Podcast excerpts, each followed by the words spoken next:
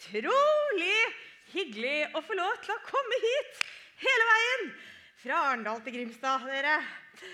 Eh, veldig kjekt å få lov til å være på Touchpoint. Jeg var med Touchpoint her i Aust-Agder på båttur, faktisk. Eh, når liksom, dere kickstarta året. Det var veldig hyggelig. Mitt navn det er Martine Aanensen. Og jeg jobber som barne- og ungdomspastor i Arendal misjonskirke. Så får jeg lov til å være her ca. Sånn en gang i semesteret og eh, tale litt for dere. Og jeg er 26 år gammel.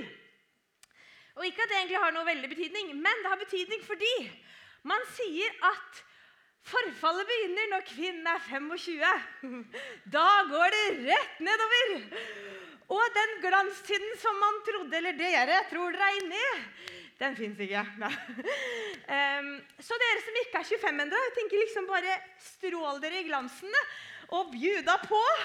Uh, for snart begynner livets nedovergang. Sånn rent biologisk, i hvert fall. Dere har sikkert masse å glede dere til ellers i livet. Men en av samtalene med min far i høstferien handlet om dette. For det var i forbindelse med en bok som han leste av en forfatter som vi er begge veldig glad i. Han bare er 50 år og har litt mer tid enn meg til å lese. Så han leser jo liksom fem bøker i uka. Men, det men poenget var at han leste mye. Men der sier Lars Saabye Christensen at livet er tiden det tar å dø. Og vi har noen ganger sånne oppmuntrende samtaler. og det kan jo høres litt sånn trist ut, men så er det jo på en måte sant. Fra vi blir født, så vokser vi litt før forfallet eh, begynner. Og det eneste vi vet om livet vårt, det er jo egentlig at vi skal dø. Optimistisk start på en tale. Men vi som er unge, vi har muligheten eh, til å forme livet vårt. Og jo mer vi tenker på døden, mener jeg i hvert fall, og liksom jo mer bevisst forhold vi har til at vi skal dø, jo mer tror jeg også vi tenker på hvordan vi forvalter livet vårt, og hvordan vi bruker dagene våre. Og noe av denne interessen eh, som jeg har for døden er sånn kjempe, Det er ikke en stor hobby. Eh, men eh, er bakgrunnen for den personen eh, som jeg har valgt i dag. Fordi jeg har skjønt at dere gjennom denne høsten blir litt bedre kjent med liksom sånne personer i Bibelen. Og jeg har valgt Sara. Jeg måtte ta en kvinne siden jeg er en kvinne, for alle menn tar menn. Nei, ikke alle, men mange. Og hun var 90 år. Og hun hadde liksom virkelig erfart forfallet på kroppen, og hun visste at døden, den var snart eh, Det var snart hennes tur, på en måte. Hun nærmet seg døden. Og likevel, da, så gammel og på en måte kanskje så stusslig som hun følte seg, så kommer Gud til henne, og så lærer han noe oss om seg selv. Og gjør henne, som tilsynelatende er på en måte en zero og en ingen, og bare egentlig sånn skyggedama til Abraham, som er liksom den store helten, hun blir en hero. Som er taleserien deres har denne høsten. Var det litt sånn smooth overgang? Jobba med det. Men gjennom, eh, gjennom den taleserien så er målet å vise dere at Bibelen den har noe for oss. Og eh, Bibelen og Bibelens personer den har noe nytt å lære oss om Gud og livene våre. Så la oss høre teksten. Jeg leser fra denne, men dere kan følge med på skjermen. Og Jeg har tatt to utdrag bare så du skal liksom få en liten sånn feeling av historien med Abraham og Sara, som er ganske lang. Gud sa til Abraham, 'Din kone Sarai skal du ikke lenger kalle Sarai. Sara skal hun hete.' 'Jeg vil velsigne henne og gi deg en sønn med henne også.' 'Jeg vil velsigne henne, og hun skal bli til folkeslag.' 'Konger over mange folk skal komme fra henne.' Da kastet Abraham, seg til jorden og lo. Og han sa i sitt hjerte, 'Kan en som er 100 år gammel, få barn?' 'Og kan Sara føde, hun som er 90 år gammel?' Så hopper jeg litt. Neste. Da de sa til ham, er, eh, da sa de til ham, 'Hvor er Sara, din kone?' Abraham svarte, 'Der inne i teltet.' Og han sa, eh, 'Jeg kommer tilbake til deg når tiden er inne.' 'Og da skal din kone Sara ha en sønn.' og Sara hørte det i teltåpningen som var like bak. Og Abraham og Sara de var gamle, langt oppe i årene. Og Sara hadde det ikke lenger, lenger på kvinners vis. Altså at han ikke kunne få barn. Og Sara lo med seg selv. Skulle jeg føle lyst, utslitt som jeg er? Og herren min er også gammel. Da sa Herren til Abraham, hvorfor ler Sara og sier, skulle jeg virkelig få barn, gammel som jeg er? Er det noe som er umulig for Herren? Jeg kommer tilbake til deg når tiden er inne. Da skal Sara ha en sønn. Sara nektet. Jeg lo ikke, for hun var redd. Men han svarte, jo, du lo. Det er, liksom, det er liksom humor. Gud har litt humor av og til. Tenk å krangle med Gud sånn. Jeg lo, du lo. Ja. Um, men hva lærer historien Sara uh, Eller hva lærer du av historien om Sara? Det er jo ikke sånn, Når vi leser om bibelske personer, så er det liksom litt det spennende spørsmålet. Eh, hva er det som blir levende i ditt liv når du hører om Sara og hennes historie? Og jeg skal nå fortelle litt hva jeg tenker når jeg har lest dette, men det er ikke fasiten. Og jeg vil bare liksom utfordre dere på å gå hjem og les Bibelen og liksom finne ut av hva får jeg ut av dette. Hva kan Bibelen fortelle inn i mitt liv? Men når jeg leser denne teksten, så blir jeg minnet om at Gud, han skaper. Og han skaper alltid. Og Det var så fantastisk at vi egentlig sang den sangen vi gjorde før talen. for Der synger vi Kom og se hva Herren har gjort. Altså hva Herren har skapt. Og se hva Herren gjør. Altså hva Herren skaper. Han gjør alle ting levende. Og Det første jeg vil si, det er at Gud han skaper av ingenting. Og I den kristne trosbekjennelsen så sier vi 'Jeg tror på Gud Fader, himmelens og jordens skaper'. Og Det er en sånn grunnleggende overbevisning i den kristne tro at Gud han har skapt verden. Men ikke bare det. Han har også skapt verden ut av ingenting. Og vi, Det latinske uttrykket vi bruker for det, er 'creatio ex nihilo'. Må ha hatt fem år med teologi for å skjønne det. Jeg skal bare brife litt. Men filosofer, apologeter og teologer de har gjennom mange hundre år diskutert seg fram til liksom gode gudsbevis som viser oss at det iallfall ikke er mindre rasjonelt å tro på en gud som er skapt ut av ingenting, enn å tro at det ikke er en gud som har skapt denne verden. Så Gud han er skapt, og han har skapt den første gang ut av ingenting. Og Jeg ser det for meg litt som en sånn ballong. Jeg bruker det i konfundervisningen, så nå skal dere få det. For det er jo lenge siden det var konfirmanter. Men Gud har liksom en gang pustet liv inn i denne ballongen, eller inn i denne verden. Det satte i gang skapelsen. Ballongen blåste seg opp. Naturlovene ble satt i gang. Gravitasjon og tyngdekraft. Å være en skaper, å være den første skaperen, på en måte, det er en egenskap ved Gud. Men en annen egenskap ved Gud det er at Gud han er evig. Han er konstant, og så er han evig. Og Det betyr at det, Gud skaper evig. Så han har ikke bare én gang skapt og på en måte blåst liv inn i ballongen og blåst liv inn i denne verden, og dermed trukket seg ut. Nei, for da faller jo alt sammen. Gud han opprettholder denne verden og puster liksom stadig sin ånd inn i denne verden, sånn at hele systemet konstant skal fungere. Det er en evig skapelse der Gud skaper hele tiden. Og Fortellingen om Sara det minner meg jo om nettopp dette. At det er en Gud som fortsetter å skape. Og slik han en gang skapte noe ut av ingenting i denne verden, så tror jeg også at Gud kan skape noe av ingenting i våre liv. Det var nok litt sånn følelsen Sara hadde av sitt morsliv. 90 år gammel og, om ikke de har fått med seg noe, så har de en eller annen kunnskap om seksualundervisning her som Gud bare ler av. Liksom, ja, drit i det, jeg skal få til dette. Men de har skjønt at det, det er ikke liksom fysisk umulig. Det er ingenting her på en måte som, som kan gi liv. Så det var ingenting der. Og likevel så skaper Gud liv der.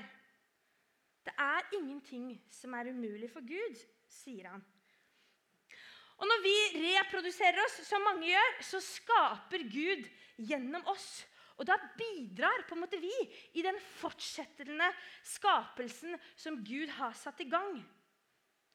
Men også der livet vårt føles liksom tomt, og der det er ingenting, der kan Gud skape. Og For meg er Sara bare sånn fantastisk forbilde i det.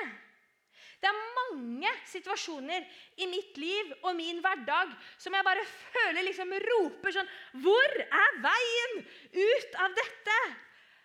Og man kan føle seg så hjelpeløs. Man kan miste håpet, man kan føle seg rådvill og miste alt motet. Både for sånn helt sånn enkle prosjekter øh, som vi dealer med i livet vårt, og konkrete hendelser. Uh, ja. Det er mange situasjoner her, ja. Prosjekter. Men også i livet vårt generelt. Relasjoner som ikke funker. Et selvbilde som vi kanskje opplever at ikke klarer å liksom bære oss. En framtid som ikke gikk som vi hadde tenkt. på en måte Den ble ikke sånn som vi hadde sett for oss. Og en hverdag som bare ikke er sånn som vi skulle ønske at den var. Og vi kan gråte, og vi kan være så fortvila, og vi kan bli sinte, liksom. På at livet vårt er sånn. Og da er det akkurat som jeg på en måte hører Sara rope til meg fra 1000 år tilbake i tid når jeg leser denne teksten. 'Martine, se på meg! Se på mitt liv! Lær om hva Gud kan gjøre!' Han har vist meg at han kan skape noe nytt av ingenting. Der det er tomt, der kan nytt liv vokse fram. Der det er dødt i livene våre, kan Gud skape noe. Han kan gjøre de knuste hjerter levende igjen, som Thomas leste fra oss i starten. Han kan skape nytt liv, nye sjanser og nye muligheter. Og jeg vil liksom bare booste dere med det. Fordi fra 20 til 30 år liksom, så er man på en måte Det er så mye greier. Og det kan føles som om på en måte, livet er alt og ingenting. Og så kan vi få lov til å lese dette og fortellingen om Sara om at nytt liv, nye sjanser og nye muligheter, det kan Gud la oss liksom vokse fram i livene våre. Og Det blir, er kanskje ikke alltid sånn som vi ønsker, men om vi liksom ser oss litt rundt i livet vårt og i hverdagen vår, så er det kanskje en skapelse, på en måte, et nytt liv å finne. Og vi kan ofte liksom spørre oss veldig mye Hvor er Gud i livet mitt? Hvor er Gud? Han virker så fjern.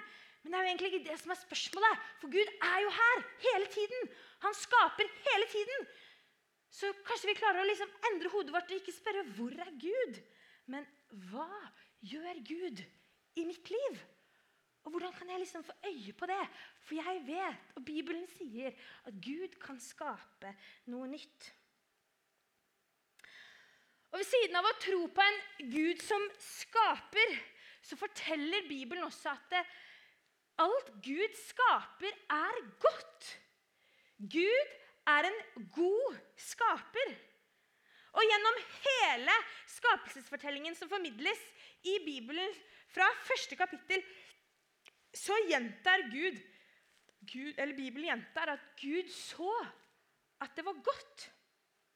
Så skapelsen er ment som et uttrykk og som et stempel på Guds godhet. Og vi kan liksom, mange av oss liker jo Ikke mange av oss. Jeg må bare ærlig innrømme at det er ikke meg. Men, men, mange liker å gå i naturen og opp på høye fjell og sånn. Jeg er veldig glad i strikking og serie. Men, eh, men ute i hvert fall, så kan man liksom se skjønnheten. Og Jeg gikk på tur i dag, og jeg må jo si at liksom når fargene er som de er, og høsten på en måte uh, Så er det jo nydelig. Det er skjønnhet, det er kreativitet. Og jeg kan liksom se stempel av Gud i naturen. Og Vi kan også oppleve det i menneskeheten og de relasjonene vi er en del av. At det er godt å være med noen mennesker. Og du og jeg, vi er en del av Guds gode skapelse. Du er et uttrykk for Guds gode skapelse. Og gjennom de vi er, så kan vi være med å speile Guds godhet videre. Gud han har en gang skapt. Og så kan vi få lov til å være med og fortsette å skape det gode inn i denne verden. På den måten så bidrar vi i skapelsen. Og Sara hun er jo et forbilde i å liksom la seg bli brukt til at skapelsen kan fortsette. Eh, det er ikke sikkert hun har så mye valg, men på en måte hun er litt sånn som Maria, moren til Jesus, eh, som på en måte sier kom og liksom, eh, 'Jeg er din tjenestekvinne'. Det er så forbilde i å la seg bli brukt for å skape og gi Guds godhet videre. Han kan bruke oss. Og du og jeg, vi er skapt av Gud for å være med og skape videre. Og det er det jo mange, hva jeg På Touchpoint for eksempel, så er det mange av dere som er med i tjeneste for nettopp å være med i det. Å skape videre og gi Guds godhet videre. Og jeg vil tro at noe av grunnen til at dere gjør det, det er fordi det gir mening og det gir glede i livet. Det gjør livet meningsfylt å vite at man er skapt for et oppdrag, og at man kan være med i noe. Eh, men også at dette ikke bare er liksom noe eh, destruktivt, men at det faktisk handler om å gi godhet videre inn i verden. Så Det trenger ikke å bare være gjennom reproduksjon, og det er veldig viktig for meg å si. For det er ikke for alle at det er biologisk mulig. Så det er ikke det som på en måte er målet for å være med i Guds gode skapelse. Men det kan du gjøre på en måte ved å bare gi Guds godhet videre. Der godhet er å finne, der er det spor av Gud. Alt som er godt, har sitt opphav i ham. Og i kjærlighet til sitt skaperverk så beskriver Bibelen er fortelling der Gud han ønsker en relasjon med det gode skaperverket som han har skapt, og alt som er i det. Derfor jo fortsetter jo han å puste liv i denne verden. Derfor fortsetter han å holde skaperverket oppe, naturlovene gående, tyngdekraften og gravitasjonen fungerende, sola i finjustering og alt mulig for at eh, skaperverket skal fungere. Men så er vår erfaring at ikke alt som er en del Det er ikke alt som er en del av det gode skaperverket som Gud har skapt, som er godt. Vi erfarer gjennom våre relasjoner og i nyhetsbildet at det også er mye ondt i denne verden. Og for mange så er det en trosmessig utfordring. Og Det skal ikke jeg si noe mer om nå. Men Fellesskapet mellom det gode skaperverket og den hellige og gode guden, som på en måte en gang har vært en ett, det blir en utfordring. Fordi ren godhet, helt sånn logisk, ren, hellig godhet, det går ikke sammen med ondskap. Og da er den kristne fortellingen en, liksom en formidling av gode nyheter om at selv om da Gud ikke kan være med, sammen med sitt skapverk og sine mennesker, så trekker ikke Gud seg unna. Han velger ikke å liksom gå vekk og dra ut sin ånd, men han blir en del av skaperverket gjennom personen Jesus. For å forsone skaperverk, skaperverket med seg selv. Sånn at uh, denne relasjonen som en gang har vært, som begynte med skapelsen, kan fortsette å eksistere. Så gjennom Jesus sitt liv, sin død og oppstandelse, så skaper Gud nye muligheter for at Gud og mennesker kan leve i relasjon. Og gjennom livet til Jesus så eh, viser Gud bare sånn en sånn enorm godhet for verden og sitt folk. Og hele Det nye testamentet, som er fortellingen om Jesus, er det liksom bare sånn Alle mennesker Jesus møter, blir bare møtt av en sånn enorm kjærlighet. Og de blir forandra, de blir løfta opp, de blir liksom satt i frihet. De finner fred. Det skjer noe med de menneskene som møter denne godheten av Jesus. For han er et menneske, men han er også Gud.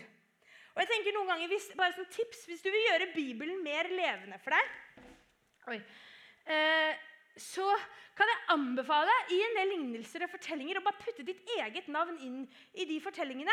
Alle fortellingene som handler om mennesker. Kvinnen som ble grepet i ekteskapsbud. Lasarus som står fra det. puttet i ditt eget navn. Og så liksom bare se at det, Wow!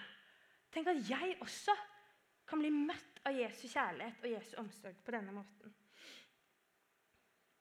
Men gjennom Jesus sitt liv så viser Gud sin enorme godhet for sitt skaperverk og alle oss som er en del av det. Og gjennom Jesus sin død, som liksom er det endeløse symbolet på ondskap, så rommer Gud hele verdens ondskap og død.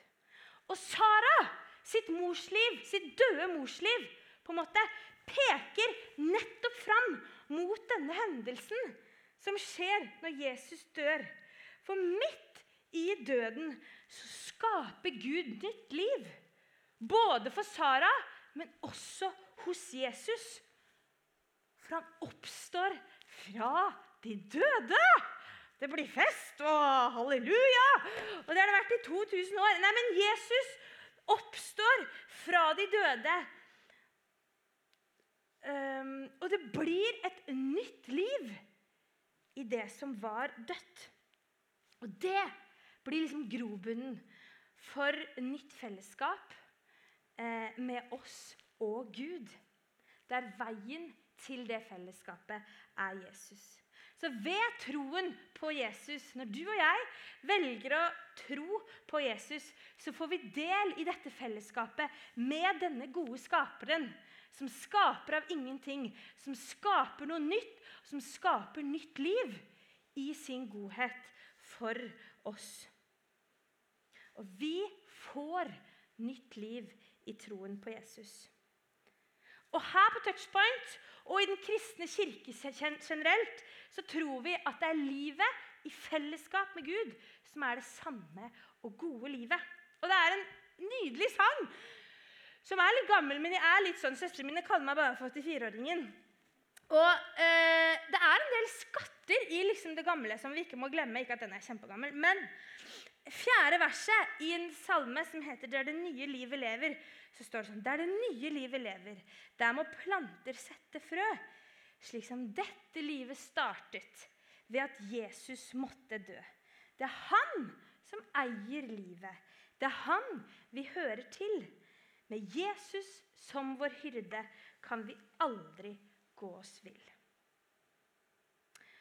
Og så er håpet i den kristne fortellingen Når vi har på en måte funnet det nye livet i Jesus, er at Gud en dag også skal nyskape alt. Gud har skapt, han fortsetter å skape, og en dag så skal han nyskape alt. Den gode skapelsen som en gang var, den er, liksom, den er her, men den er infiltrert av det som ikke er godt. Men en dag så skal det bare stå igjen godhet. Og om ikke vi erfarer i våre liv at Gud skaper av ingenting, at han ikke skaper nye muligheter, eller når forfallet og døden blir et faktum for de relasjonene vi har nær oss, eller for oss selv, så har Gud vist oss i Jesus at han en dag skal skape et nytt liv for alle som tror på ham. Denne verden skal igjen bli et sted uten ondskap, og der død ikke er å finne. Og jo eldre jeg blir jeg er kjempegammel. Jeg var 26. Men fra jeg er 23 til 26 da, så erfarer man jo bare på noen år at livet er sammensatt. Og jo mer jeg erfarer at livet er sammensatt, jo viktigere blir dette for meg. Håpet der framme om at Guds gode skapelse en dag bare skal være det. En dag skal den være fullkommen god. Også dette perspektivet lærer fortellingen om Sara meg. Forfallet skal skiftes ut med nytt liv. Han skal tørke bort hver tåre fra deres øyne, og døden skal ikke være mer. Heller ikke sorg eller skrik eller smerte. For det som en gang var, er borte, sier Johannes' åpenbaring. Det betyr ikke at jeg bare sitter her og venter liksom, på at Gud skal skape nytt, ni, uh, nytt liv en dag der framme. Nei, for Guds skapelse er her, også nå. Og vi, du og jeg, vi kan være med og sette de gode avtrykkene som gjør at Guds skapelse den når lengre i vår verden. Vi kan være skapere i denne verden, slik som Sara. Være med Gud i å puste liksom hans gode ånd ut i denne verden. Det er vår mulighet, og det er vårt oppdrag. Å spre Guds godhet i dette skapverket. Spre nytt liv.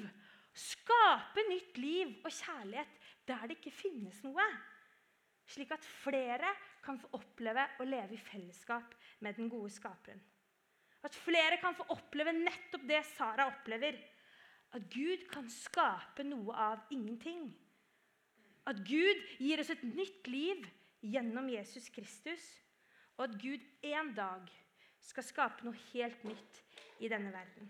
Et sted der døden ikke er mer, fordi Jesus han har seiret over døden. Amen. Her på Touchpoint så er det mulighet for å bli bedt for. Og jeg tenker at eh, Bønn er en liksom fantastisk mulighet til å be om at Gud må skape noe nytt i våre liv. Der det oppleves tomt, dødt, og der det ikke er noen ting. Så her er det voksne mennesker som ønsker å be for deg. Og det gjør de gjerne bak i, på deres høyre side. Så er det et rom som dere kan bli bedt for. Det er, For dere som ikke har vært i forbønn før, så er ikke det veldig skummelt. Du kommer inn, og så sier du 'jeg vil bli bedt for'. Av og til har vi masse vi ønsker å bli bedt for. Av og til så vil vi bare liksom 'Nei, kan du ikke bare be for meg?' Så spør de kanskje om å legge hånda på skulderen. Så sier du ja eller nei til det, og så ber de en bønn for deg. Og Da kan vi be om nettopp dette, om at Gud kan skape nye ting. Og at hvis ikke du tror på Jesus, så kan du også få lov til å bekjenne det, eller eh, uttrykke ønsket ditt om å tro på ham hos de forbederne. Så kan de be en bønn sammen med deg for det. Vi ber litt sammen nå først.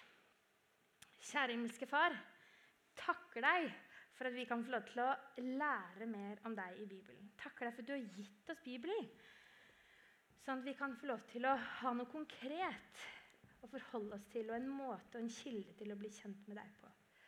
Takk, Gud, for at du har skapt denne verden i din godhet. Og det du har skapt, det er godt. Takk for at du fortsatt er her med din gode ånd, og at du puster liv inn i denne verden og inn i våre liv. Herre, så ser du at vi av og til føler at det liksom ikke er noe liv, at det er tomt. Livet er ingenting. Og vi trenger at du kommer til oss og skaper noe nytt. Og jeg ber her om at du gjør det i kveld. At du gjør det hos dem som kjenner at det, å, jeg trenger at Gud skaper noe nytt. Hjelp oss til å ikke alltid bare spørre 'Hvor er du?', men hjelp oss til å åpne øynene, så vi kan se at du er her, og at du gjør noe. For vi tror at du er her. Takk for din enorme kjærlighet for alle mennesker. Og takk for det nye livet vi kan få lov til å ha når vi tror på deg, Jesus. Takk for din døde oppstandelse på korset. Og det håpet som er der fremme, som vi kan klamre oss til når livet er tungt, når livet er drit. Så vet vi at du har lovet oss at en dag der framme skal ikke død og ikke smerte være mer. Takk, Herre, for den gode skaperen som du er.